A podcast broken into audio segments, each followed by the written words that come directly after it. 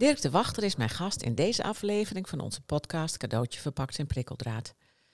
Dirk is een bekende psychiater, psychotherapeut die veel schrijft en vertelt over de psychiatrisering van de samenleving. Hij pleit in zijn lezingen en boeken voor meer aandacht en belangstelling voor de mens, in plaats van vooral voor diagnoses en protocollen. Dirk kreeg kanker en ervoer gedurende zijn ziekteproces het belang van waarover hij schrijft en vertelt. In de podcast praten we onder andere over hoe hij met zijn eigen emoties omging en omgaat als kankerpatiënt. Dat we niet goed zijn in het elkaar nabij zijn en dat dat juist zo nodig is in tijden van lastigheden. Dat trauma een grote misère blijft, maar dat Dirk het ombuigen van een nadeel naar een voordeel als de essentie van zijn werk ervaart. Dat geprotocoliseerde geneeskunde de emotionele kant van mensen verwaarloost. Dat hij altijd zoekt naar krachten en mogelijkheden van zijn patiënten. En zijn boeken De kunst van het ongelukkig zijn en Vertroostingen.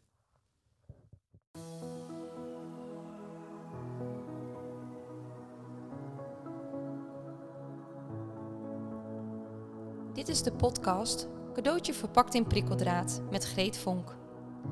Moeilijke tijden zijn ook cadeautjes, hoe lastig ze ook zijn. Helaas zitten ze wel verpakt in prikkeldraad. In deze podcast willen we je inspireren en kennis aanreiken, waardoor je een andere kijk krijgt op de ellende van jezelf of van iemand anders. Met als uiteindelijk doel om een completere versie van jouzelf te worden en of om dat proces bij de ander te ondersteunen.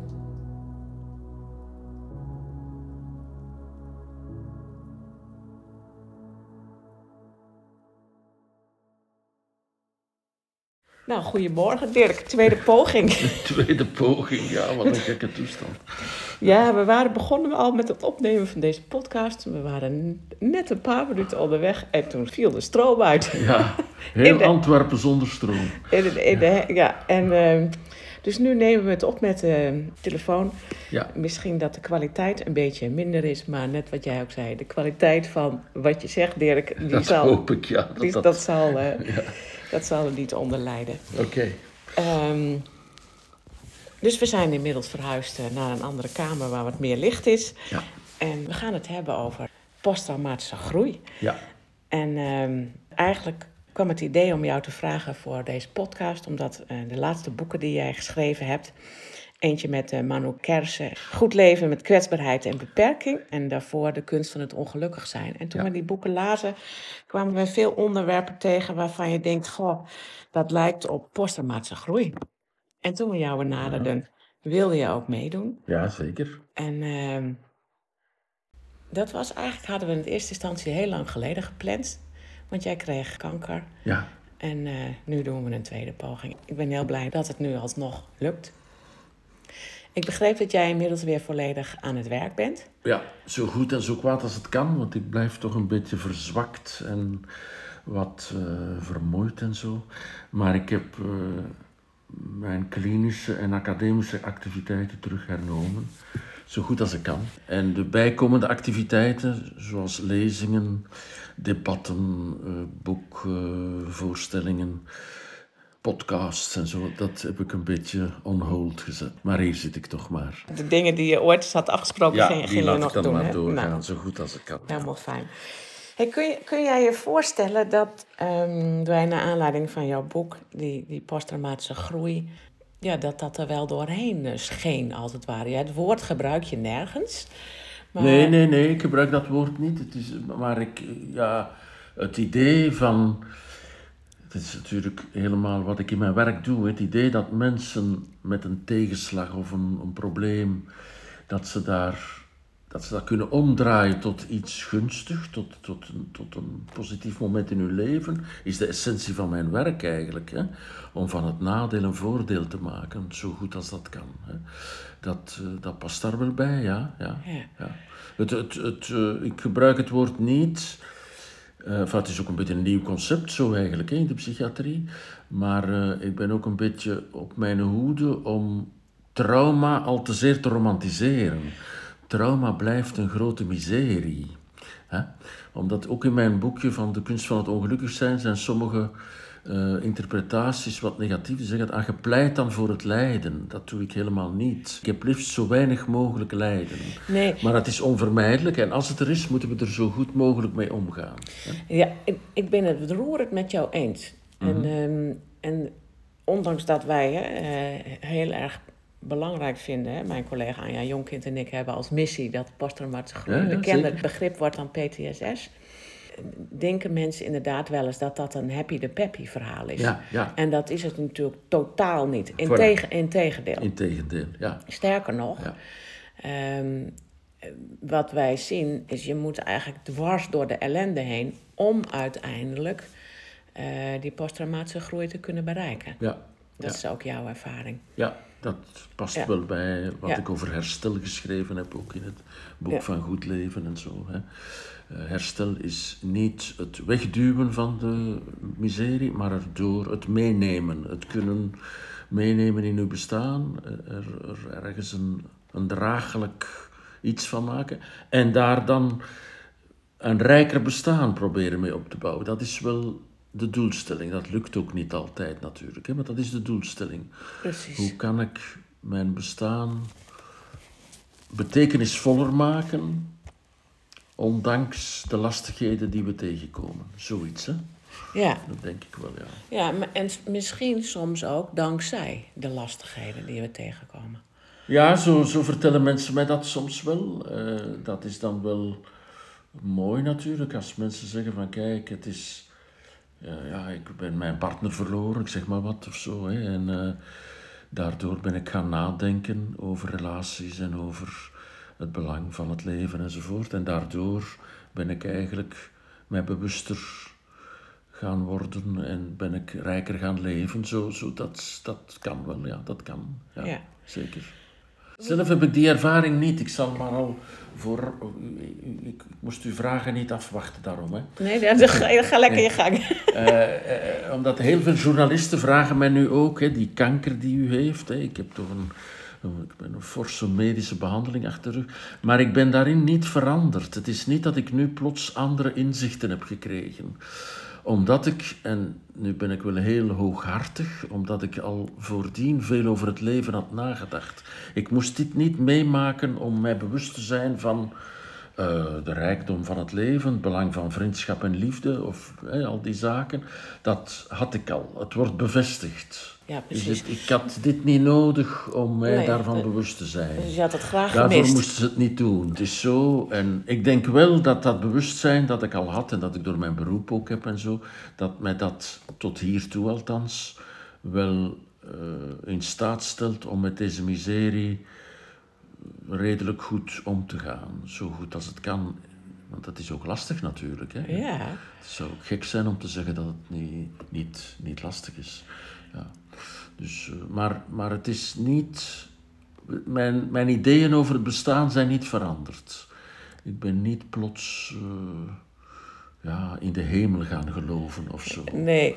Nou, weet je wat, het vind ik wel mooi dat je dat zegt. Kijk, eh, eh, groei leidt ook tot een soort van bewustzijnsverruiming, hè? Ja, ja. Maar als jij ja, al op een heel hoog niveau... Hè, Ja, dat klinkt zo pretentieus. In mijn beroep is dat wel zo. Ik schrijf er ook over. Ik heb Ja. ook elke dag al 30 jaar mensen over de vloer die over hun lijden en hun verdriet spreken. Ja, het zou ook maar erg zijn moest ik daar nog niet bij stilgestaan hebben. Maar goed, als je dan zelf iets meemaakt, is het nog wel iets anders.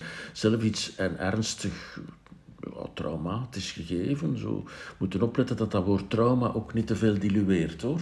Eh, maar ja, dan ben ik wel al een stuk voorbereid. Zo blijkt, ik kan het ook maar achteraf zeggen. Hè? Ik had het niet kunnen voorzien, maar ik zie nu dat, dat ik wel eh, hetzelfde ben gebleven in mijn ideeën. Dat ze bevestigd worden, dat wat ik geschreven heb over die dingen nu in mijn eigen ervaring ook bevestigd wordt. Zo, Ja, dus als je, nu, als je nu het boek, of een van die boeken, of nog een ander boek weer zou schrijven, dan zou er precies hetzelfde in staan. Ja, ja, ik ben nu een boek aan het schrijven, dus ik kan het niet laten. Eh, eh, over troost en vertroosting. En dat is inderdaad, de thema's zijn hetzelfde. De journalisten zullen zeggen, het is weer hetzelfde. En het antwoord is ja, inderdaad. Maar nu wel vanuit mijn eigen, of zo'n stukje toch. Van, ik, ik vertrek vanuit mijn eigen ervaring. mijn operatie en alles. Er is heel veel misgelopen, ik was bijna dood en al die dingen zo. Eh, maar het, ik word dan verbreed naar in het algemeen wat is, wat is troost in deze, in deze maatschappij. Hè? Wat hebben wij nodig en wat kunnen we ook niet altijd goed elkaar nabij zijn, bijvoorbeeld. Hè? Daar zijn we niet altijd zo goed in in deze wereld. Ja, hoe is, hoe is jouw ervaring wat dat dan gaat? Mijn ervaring is heel goed. Ik heb altijd veel geluk.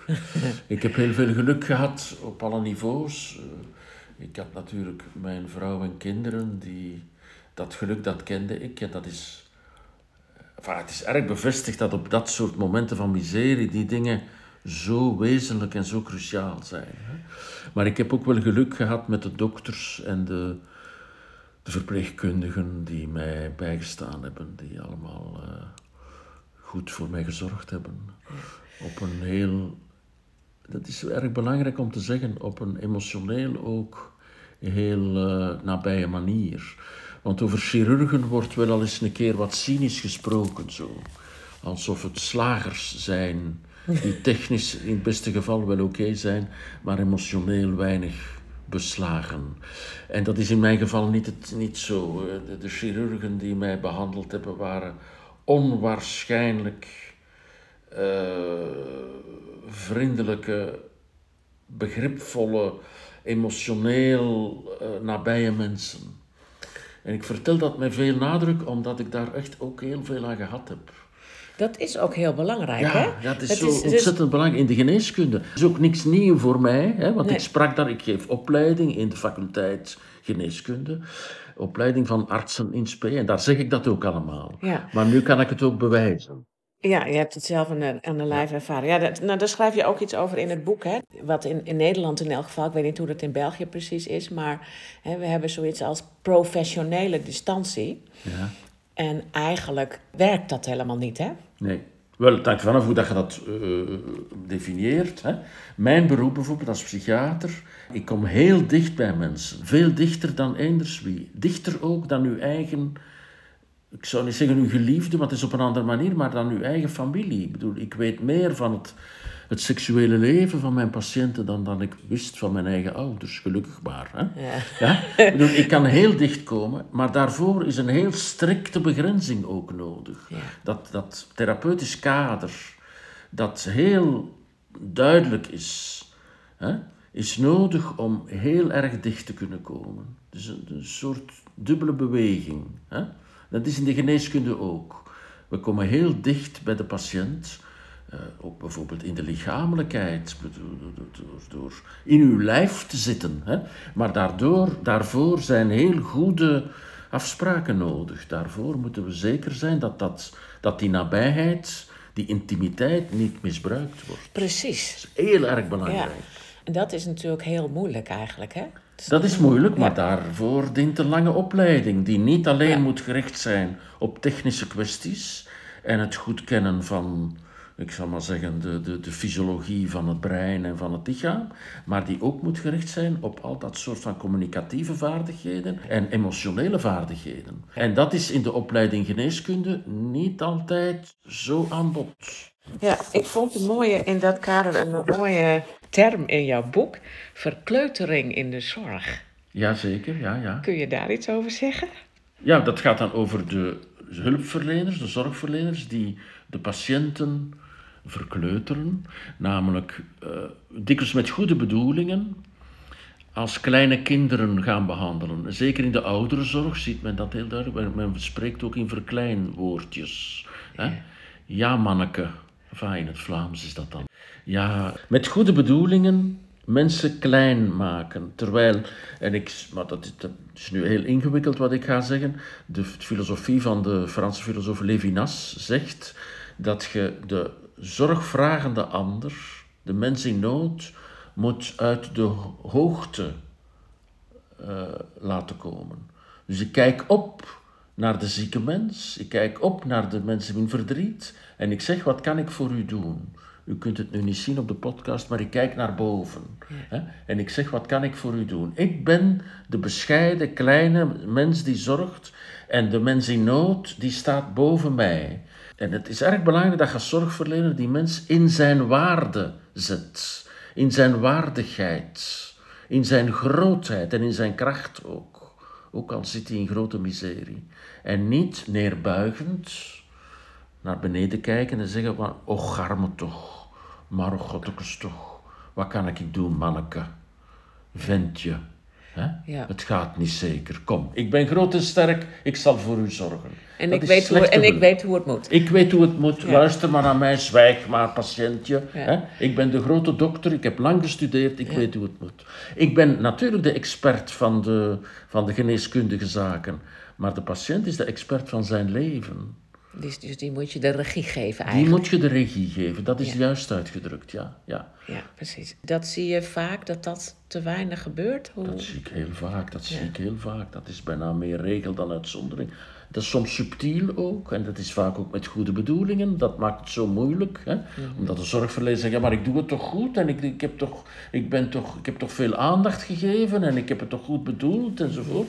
Het is erg moeilijk om dat dan te keren. Zo, ja. Maar nogmaals, ik heb dus heel veel geluk gehad met mijn behandeling. En dan moet ik natuurlijk een stukje nuanceren. Ik ben ook ben zelf een arts. Ik ben een beetje bekende arts hier in het Vlaamse land. Eh, een beetje. Ja, ja, ik ben ook geen voetballer, hè, maar, maar, maar goed, eh, in de geneeskunde ben ik dus, dus ja, dat heeft natuurlijk ook misschien heel die verhouding wat bepaald. Dat men gezegd, oh, deze man zullen we maar extra goed verzorgen. Eh, Dat zal misschien meegespeeld hebben, dat is misschien ook niet zo eerlijk. Maar goed, daar ben ik toch wel heel tevreden over. Dat, dus, de principes die ik verkondig zijn naar mij toe heel erg goed gevolgd. Dan- Dat is natuurlijk heel fijn, hè? Want je bent Ja, natuurlijk ik heb ondervonden nu aan Ja. de lijve Ja. dat dat, dat dat echt werkt. Want ik ben, ik ben heel ziek geweest, maar echt heel ziek. Hè. En dat heeft er mij heel goed doorgeholpen ook. En ik heb ook geen, geen posttraumatische problemen, wat ik een beetje gevreesd had. Ik heb een heel ernstige eh, complicatie gehad na de operatie, levensbedreigend. Ik was eh, op sterven na dood enzovoort. En ik had een beetje gedacht, op die moment dacht ik van hier kom ik, ja, ik ga, dat, ik ga daar nachtmerries van overhouden of al dat soort. En dat is niet zo. Ik kan het blijkbaar nogal goed achter mij laten. Zo. Waarschijnlijk omdat ik op die momenten ook zo goed bejegend ben geweest. Ben zo goed omringd geweest. Begripvol, nabij. Ruimte voor de emoties die Ja, er zijn. absoluut. Ja. Ik, Ik- heb gevloekt dat het niet mooi was. Ja, Ja, gelukkig zijn daar geen opnames van gemaakt. ja, nou ja. Maar dat is, dat is iets wat wij eh, heel vaak meemaken, in onze praktijk ook. Mhm. En dat zul jij denk ik ook herkennen. Dat er, ja, dat er gewoon veel te weinig ruimte is voor de emoties. Absoluut. En wil je posttraumatische groei bereiken, wil je of überhaupt zonder trauma eruit komen uit allerlei Ja, ja, ja, ellende, ja. Dan is dat nodig. Ja, absoluut. Helemaal akkoord. Natuurlijk wel, ja. En de geneeskunde, de, de geprotocoliseerde geneeskunde, die, die erg economisch gestuurd is, het moet efficiënt en vlug gaan, maar mag geen tijd verliezen, dreigt dat stuk van de zorg toch wel wat te verwaarlozen. En dat is ook dat is niet zo makkelijk te meten. Dat is ook maar een effect dat zich op langere termijn manifesteert. Men kan dat niet in een, in een vragenlijst, laat staan in een scan meten. Ja. Na 15 minuten zo. Is dit gesprek emotioneel oké geweest? Hè? Dat, dat, eh, dus dit- dat is een heel belangrijk punt, denk ik, in de opleiding geneeskunde, maar ook in de opleiding van alle eh, zorgberoepen, om daar aandacht voor te vragen. Daarom zit ik hier bij u ook, hè? omdat ik dat erg belangrijk vind. Ja, want dat schrijf jij inderdaad ook, hè? Dat, dat efficiëntiedenken. Ja, ja, ja. Ja, wel ja, het efficiëntiedenken is een korte termijn denken en een denken dat alleen maar de zaken afrekent op meetbare parameters. En mijn leefwereld gaat over, over het intuïtieve, het emotionele, iets dat, dat onder, eh, onderhuids eigenlijk eh, voelbaar is na, na langere termijn. En dat we, ja, het is niet zo makkelijk om daar, om in te breken in het efficiëntiedenken en daar aandacht voor te vragen. Maar goed, van de andere kant, u bent niet de enige die hier zit. Er zijn heel veel mensen uit de zorg, bottom-up, die zeggen er moet iets gebeuren.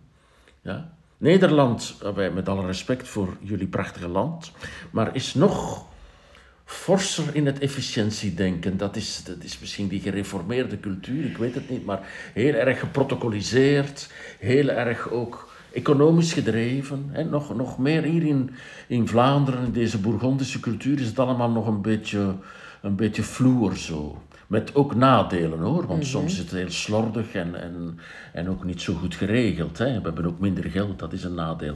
Maar goed, het, het, het heel efficiënte Nederlandse model, vind ik, moet eigenlijk opengebroken worden om plaats te geven voor het emotionele.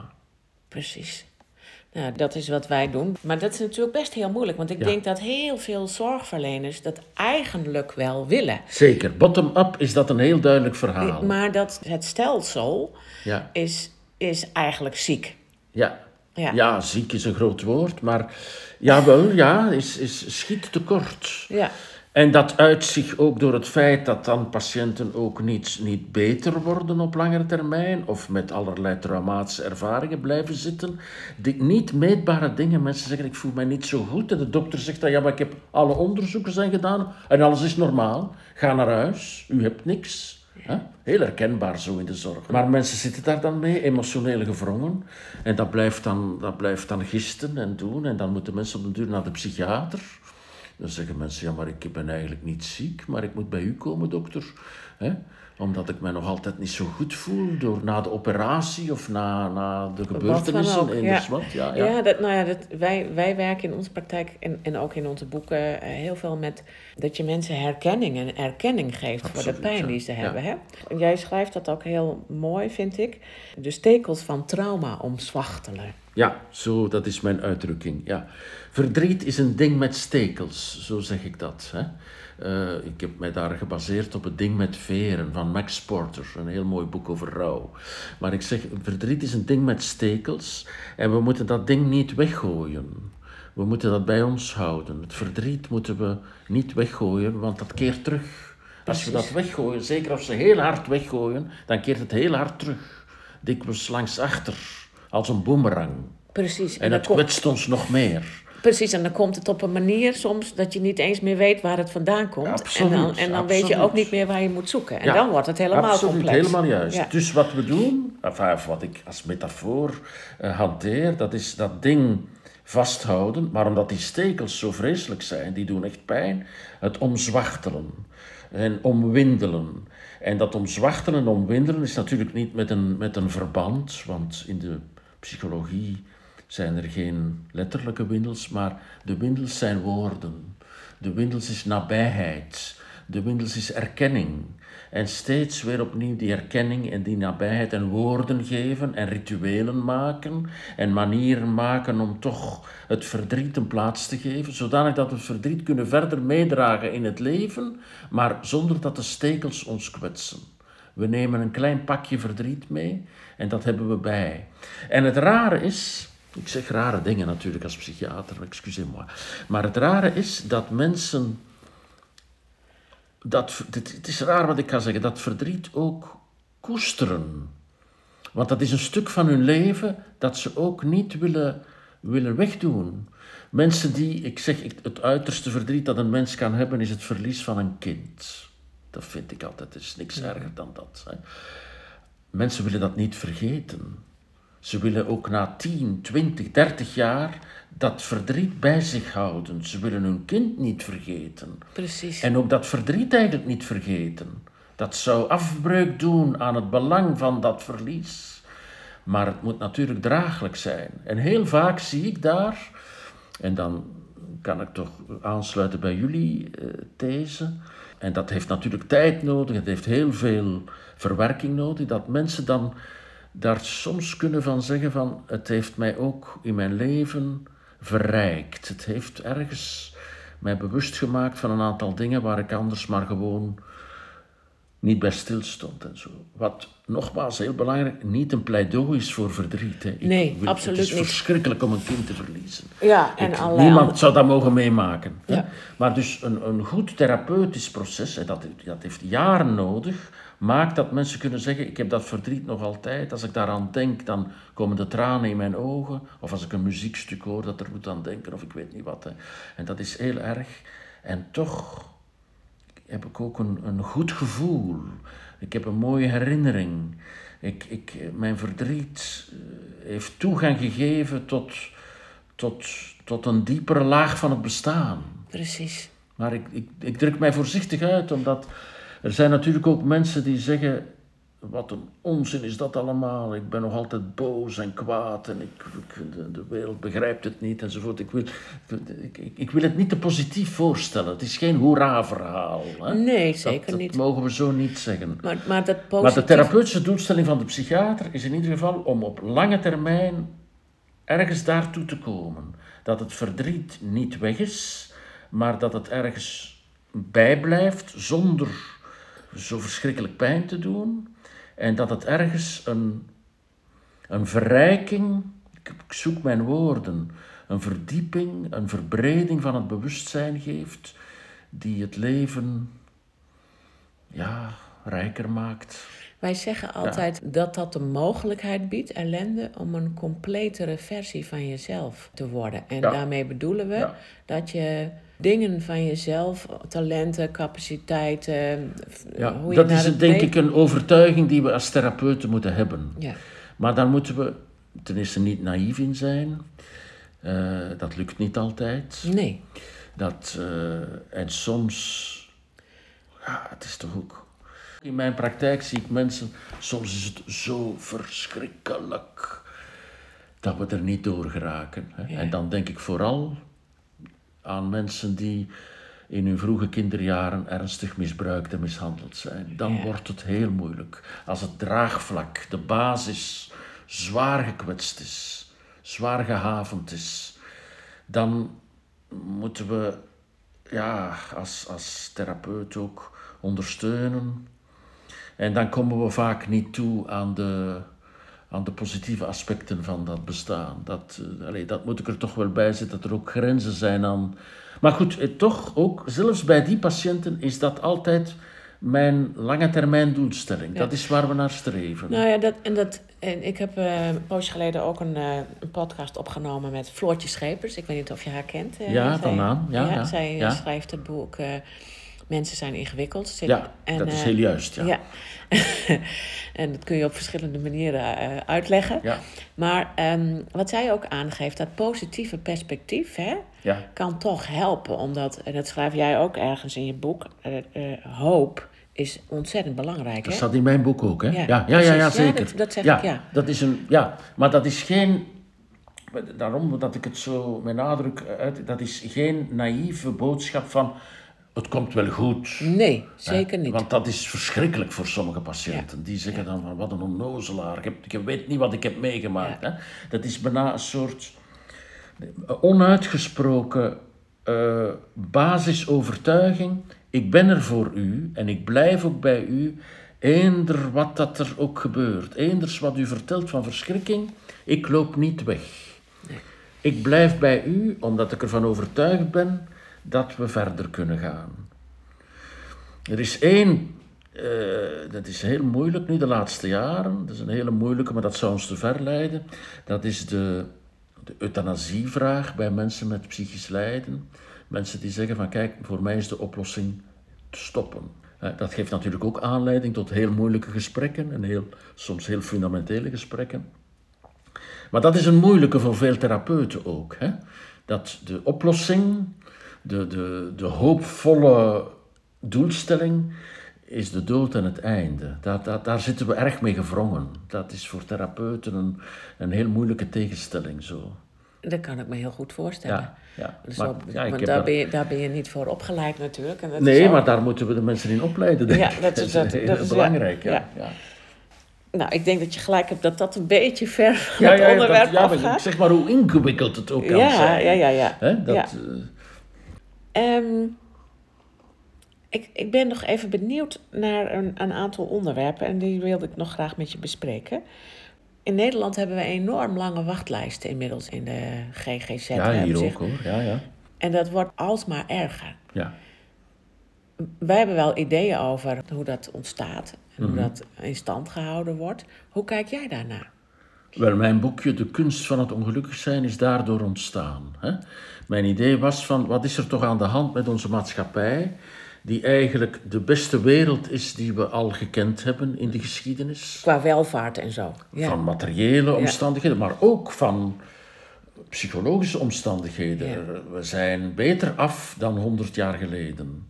Toen mensen in armoede en in miserie vroeg sterven en, en, eh, en, verslaafd waren aan alcohol in de fabrieken en, en gevaarlijk werk deden. Al, al wat, alles, alle parameters die men daar kan in objectiveren zijn significant verbeterd. Ja. En tegelijkertijd, in deze, en ook als men nu onderzoek doet naar geluk, dan zien we in onze contraien dat we zeer hoog scoren. We zijn allemaal ongelooflijk gelukkig. Scores in Nederland zijn ze verschrikkelijk hoog. 9 op 10. Dus dat is een beetje te hoog, vind ik, maar allez bon. Dus heel gelukkig en tegelijkertijd een ongelooflijke en bijna niet in te vullen nood aan professionele hulp voor verdriet. Die paradox was de uit, het uitgangspunt voor mijn boek. Ik denk van, wat is er aan de hand met die wereld die zo gelukkig is en tegelijkertijd zo onmachtig om het verdriet en de lastigheid en de moeilijkheden van het leven een plaats te geven in het normale bestaan, in het sociale weefsel. Blijkbaar hebben wij een professionele hulpverlener nodig om te kunnen spreken over het verdriet. Dat dan wordt gediagnosticeerd in de DSM als een psychiatrische afwijking. Dat Ja. vind ik een rare.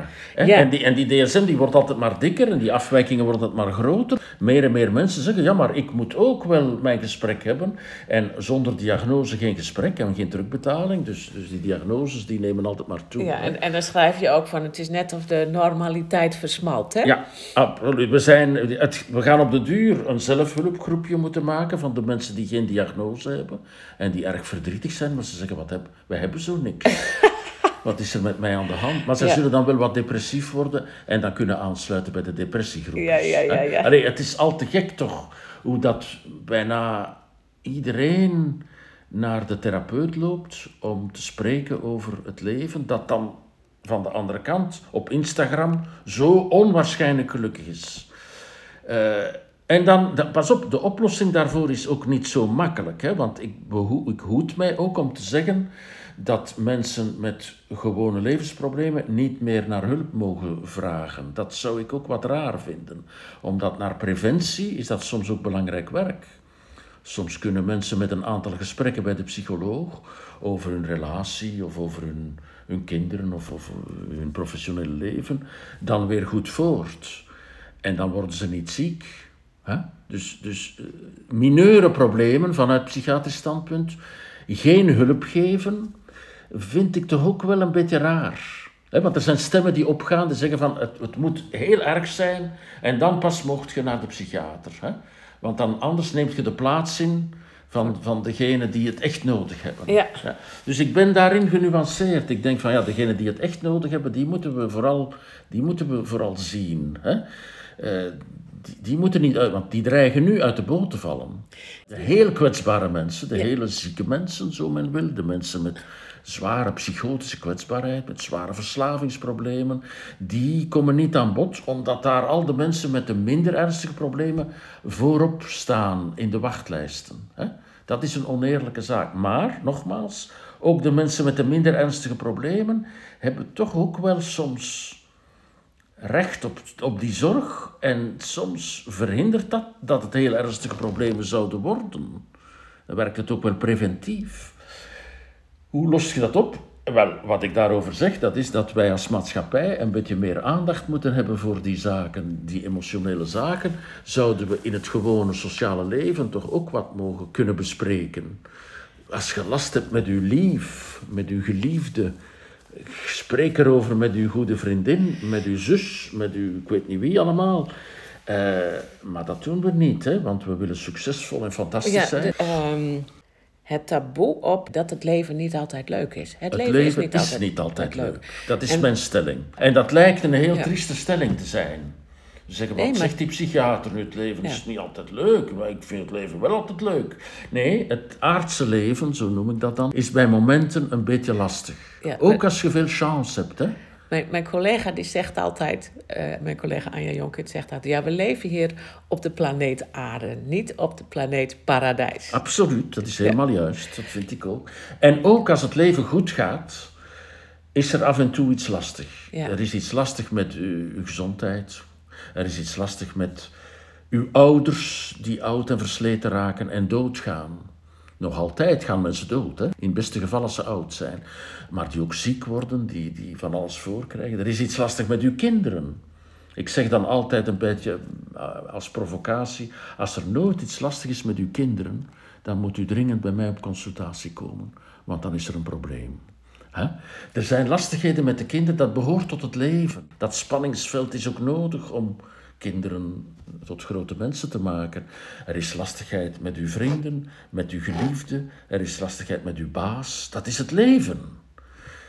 En als we daar wat meer met elkaar zouden durven en kunnen over spreken, dat is ook de definitie, vind ik, van de vriendschappelijkheid en van de liefdevolheid. Ja, en, en nou, maar dat je, dat je er met anderen over kunt praten. Maar wij Ja. zeggen ook altijd, in dit soort processen is het zo belangrijk dat je bloed eerlijk naar jezelf bent. Ja, maar ja, maar daar hanteer ik nogal een Levinasiaanse ethiek ook. Dat is altijd, het kijken naar uzelf gaat altijd via de ander, via de blik van de ander. Hè? U terugtrekken uit de wereld en daar dan over uzelf gaan nadenken, daar ben ik niet hyper enthousiast over. Dat is een soort vlucht ook vaak. Wat dat wil zeggen dat, dat dat soms nuttig kan zijn tijdelijk. Hè? Maar het is altijd in de wereld dat de problemen zich afspelen en dat ze, zich ook, dat ze ook moeten aangepakt worden. Hè? Een conflict met uw kinderen zal met uw kinderen moeten uitgesproken worden. U terugtrekken op een berg in, eh, in, Ja, in dan, dan ben je levend dood. Het kan maar- zijn reculer pour mieux sauter, zegt men dan. Hè. U eventjes terugtrekken om dan beter te kunnen springen. Dat is misschien, maar nog moet altijd springen. Hè. Ja. Het is altijd nodig om dat in de blik van de ander aan te pakken. Zo denk Ja, ik. ja, ik en- denk dat allemaal zo. Hè. Ja, en de blik van de ander heeft daar ook heel veel invloed op hoe jij dan met je problemen omgaat. En wij, wat wij eh, heel vaak zien is dat ook in de gezondheidszorg, maar ook in het algemene leven, eh, dat er heel veel gekeken wordt naar de klachten van mensen. Dat mensen dan eigenlijk soms gewoon hun klacht worden. Absoluut. En dat er, eh, dat er niet meer naar de mens in zijn totaliteit gekeken wordt. Ja, En- helemaal akkoord. Kijk, Ja. wat ik doe in mijn... Ik heb, een, ik heb van alle verantwoordelijkheden, maar een van mijn eh, jobs is de supervisor van een afdeling, een dagcentrum, voor mensen met heel ernstige, zware psychiatrische kwetsbaarheid. En eh, bij het intakegesprek vraag ik altijd, wat doet u graag? En de patiënten zeggen dan vaak, patiënten zeggen wij, die zeggen dan vaak, wat een rare vraag. Dat heeft nog nooit iemand aan mij gevraagd. Ik zeg, ja, ik vraag het toch.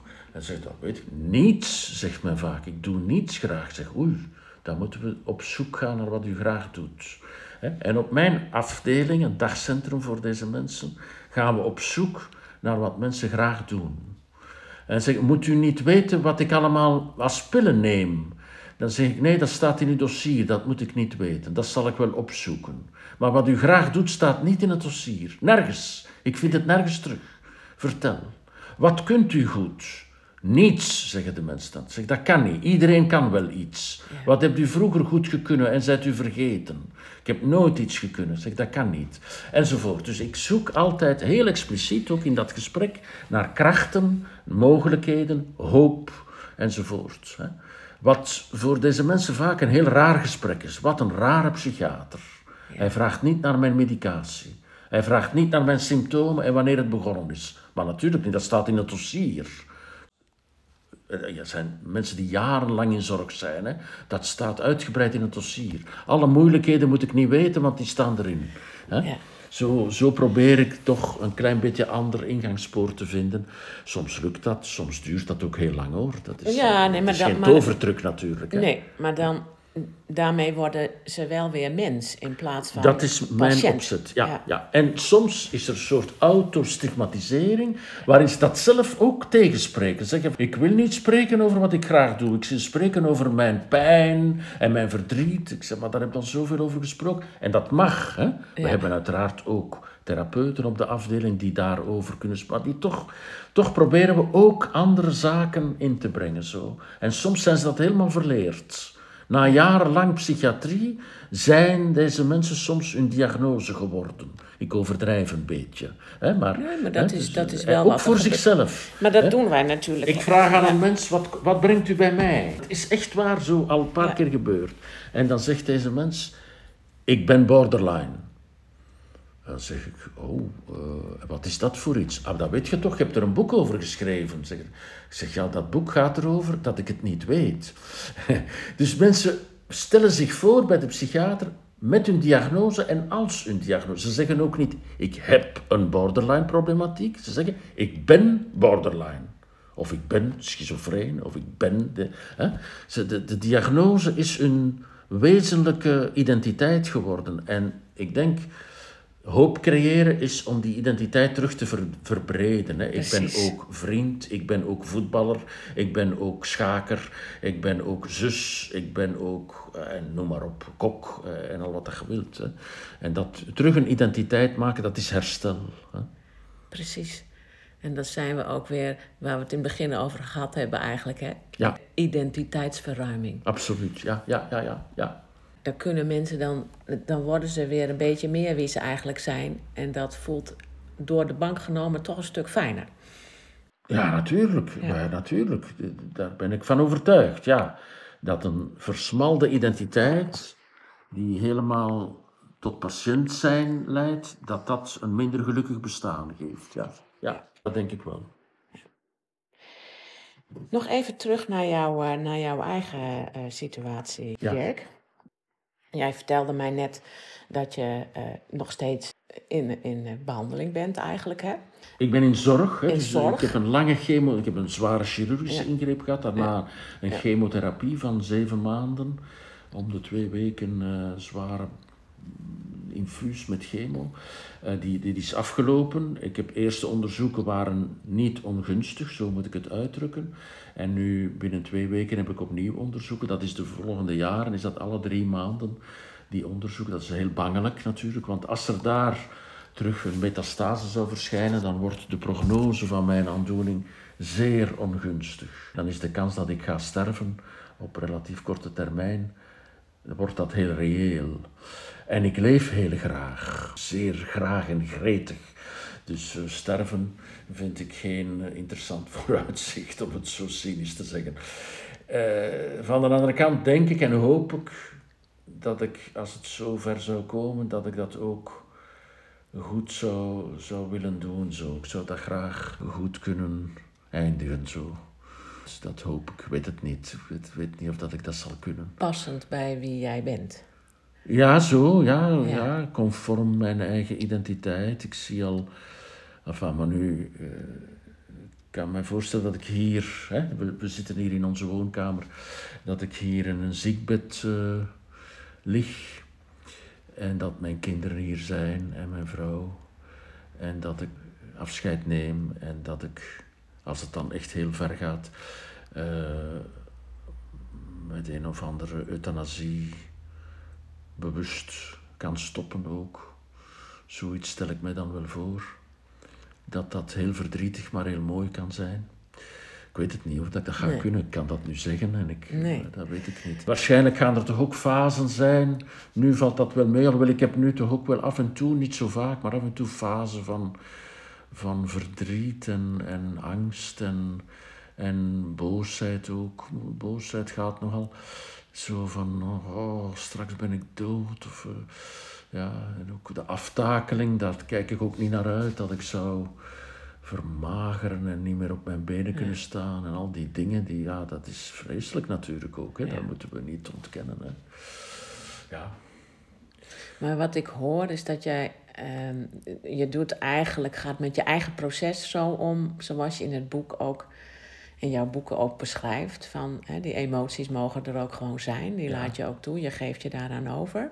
ja, ik kan ook heel goed spreken met mijn vrouw over die Ja. dingen. Daar heb ik wel geluk mee. Wij kunnen daarover spreken. We doen dat ook niet altijd. Hè. We zitten niet altijd te, te, te, zagen. Hè. Maar af en toe kunnen we wel spreken over de dood. Af en toe, af en toe. Meestal spreken we over het leven. We hebben ook een goede vakantie gehad. Ik ben wat sneller moe, maar we hebben toch veel kunnen doen zo. Maar ik heb ook, wat dat betreft, ik heb geen bucketlist. Het is niet dat ik zeg, nu wil ik ineens van alles doen. Ik heb een vakantie gehad zoals dat we dat vroeger ook wel hadden. Uh, we gaan graag steden bezoeken, we gaan graag uh, naar musea, we zitten graag in een rustig huisje een boek te lezen. Enfin, dat we hebben gedaan wat we anders ook deden, niet anders dan anders. Ja. Mooi. Wat in jouw boeken, welk onderdeel of onderdelen in jouw boeken heeft jouzelf en jouw proces het meest geholpen?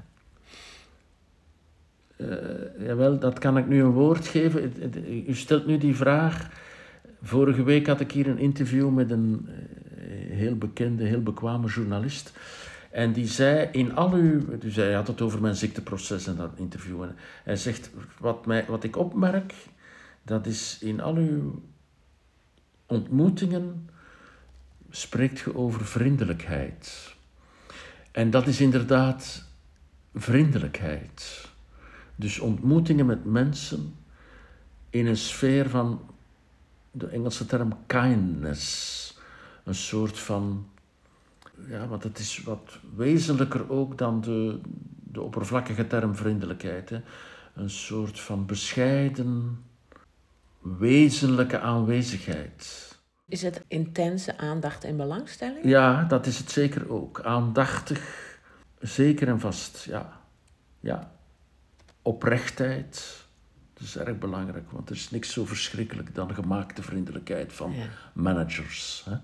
Dat is, is afschuwelijk. Hè? Maar, maar een soort authenticiteit, dat is ook een versleten woord, maar dat is eigenlijk wat mij het voorbije jaar nog scherper dan voorheen als wezenlijk voor het leven is overgekomen. Dat sluit aan bij, en ik kom terug weer bij de Franse filosoof Levinas, wat hij noemt het kleine goede, la petite bonté. Ik schrijf daar heel vaak over. Hè. Over ondanks omstandigheden die moeilijk zijn, of zelfs vooral in omstandigheden die moeilijk zijn, een soort van authentieke aanwezigheid van een mens die daar is en die zegt van, uh, hier ben ik, wat kan ik voor u doen? En ook als je niks kunt doen, ik ben hier. Aanwezigheid, aandacht, zijn, mit zijn, uh, verbondenheid. Ja, ik kan allerlei woorden zoeken zo. Ja, maar ik denk dat de, de smaak is... Vriendelijkheid, ja. ja. ja. Op alle niveaus, zowel in het relationele, liefdevolle uiteraard, maar ook in, in... Ook, ik heb daar natuurlijk ook wel heel veel geluk in gehad. Ik heb hier honderden, ik overdrijf niet, honderden kaartjes en berichten gekregen van mensen die mij ook niet kennen. Of nee, die ik niet ken en die, die zeggen van u kent mij niet, maar ik ken u wel en ik heb iets over u gelezen. En ik, ik hoor nu dat u ziek bent en ik wens u het beste toe. Dat heeft mij allemaal veel deugd gedaan. Mensen zeggen, ik heb een kaarsje voor u gebrand in de kathedraal van Chartres. Stuur dan een fotootje door. Dat, is, dat kan heel belachelijk overkomen, maar dat doet heel veel goed. Heel raar hoor. Mensen die ik niet ken, hè? Ja.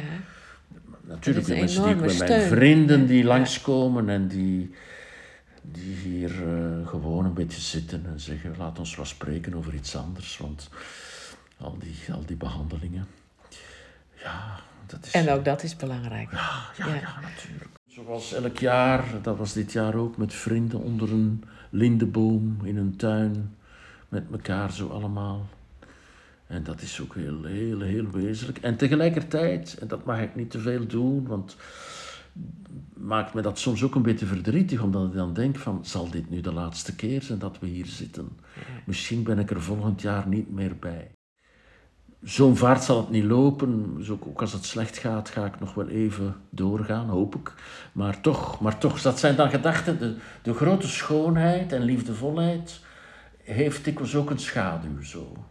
Van oei, misschien eindigt dat verhaal ook ergens. Ja, dat zou kunnen, ja.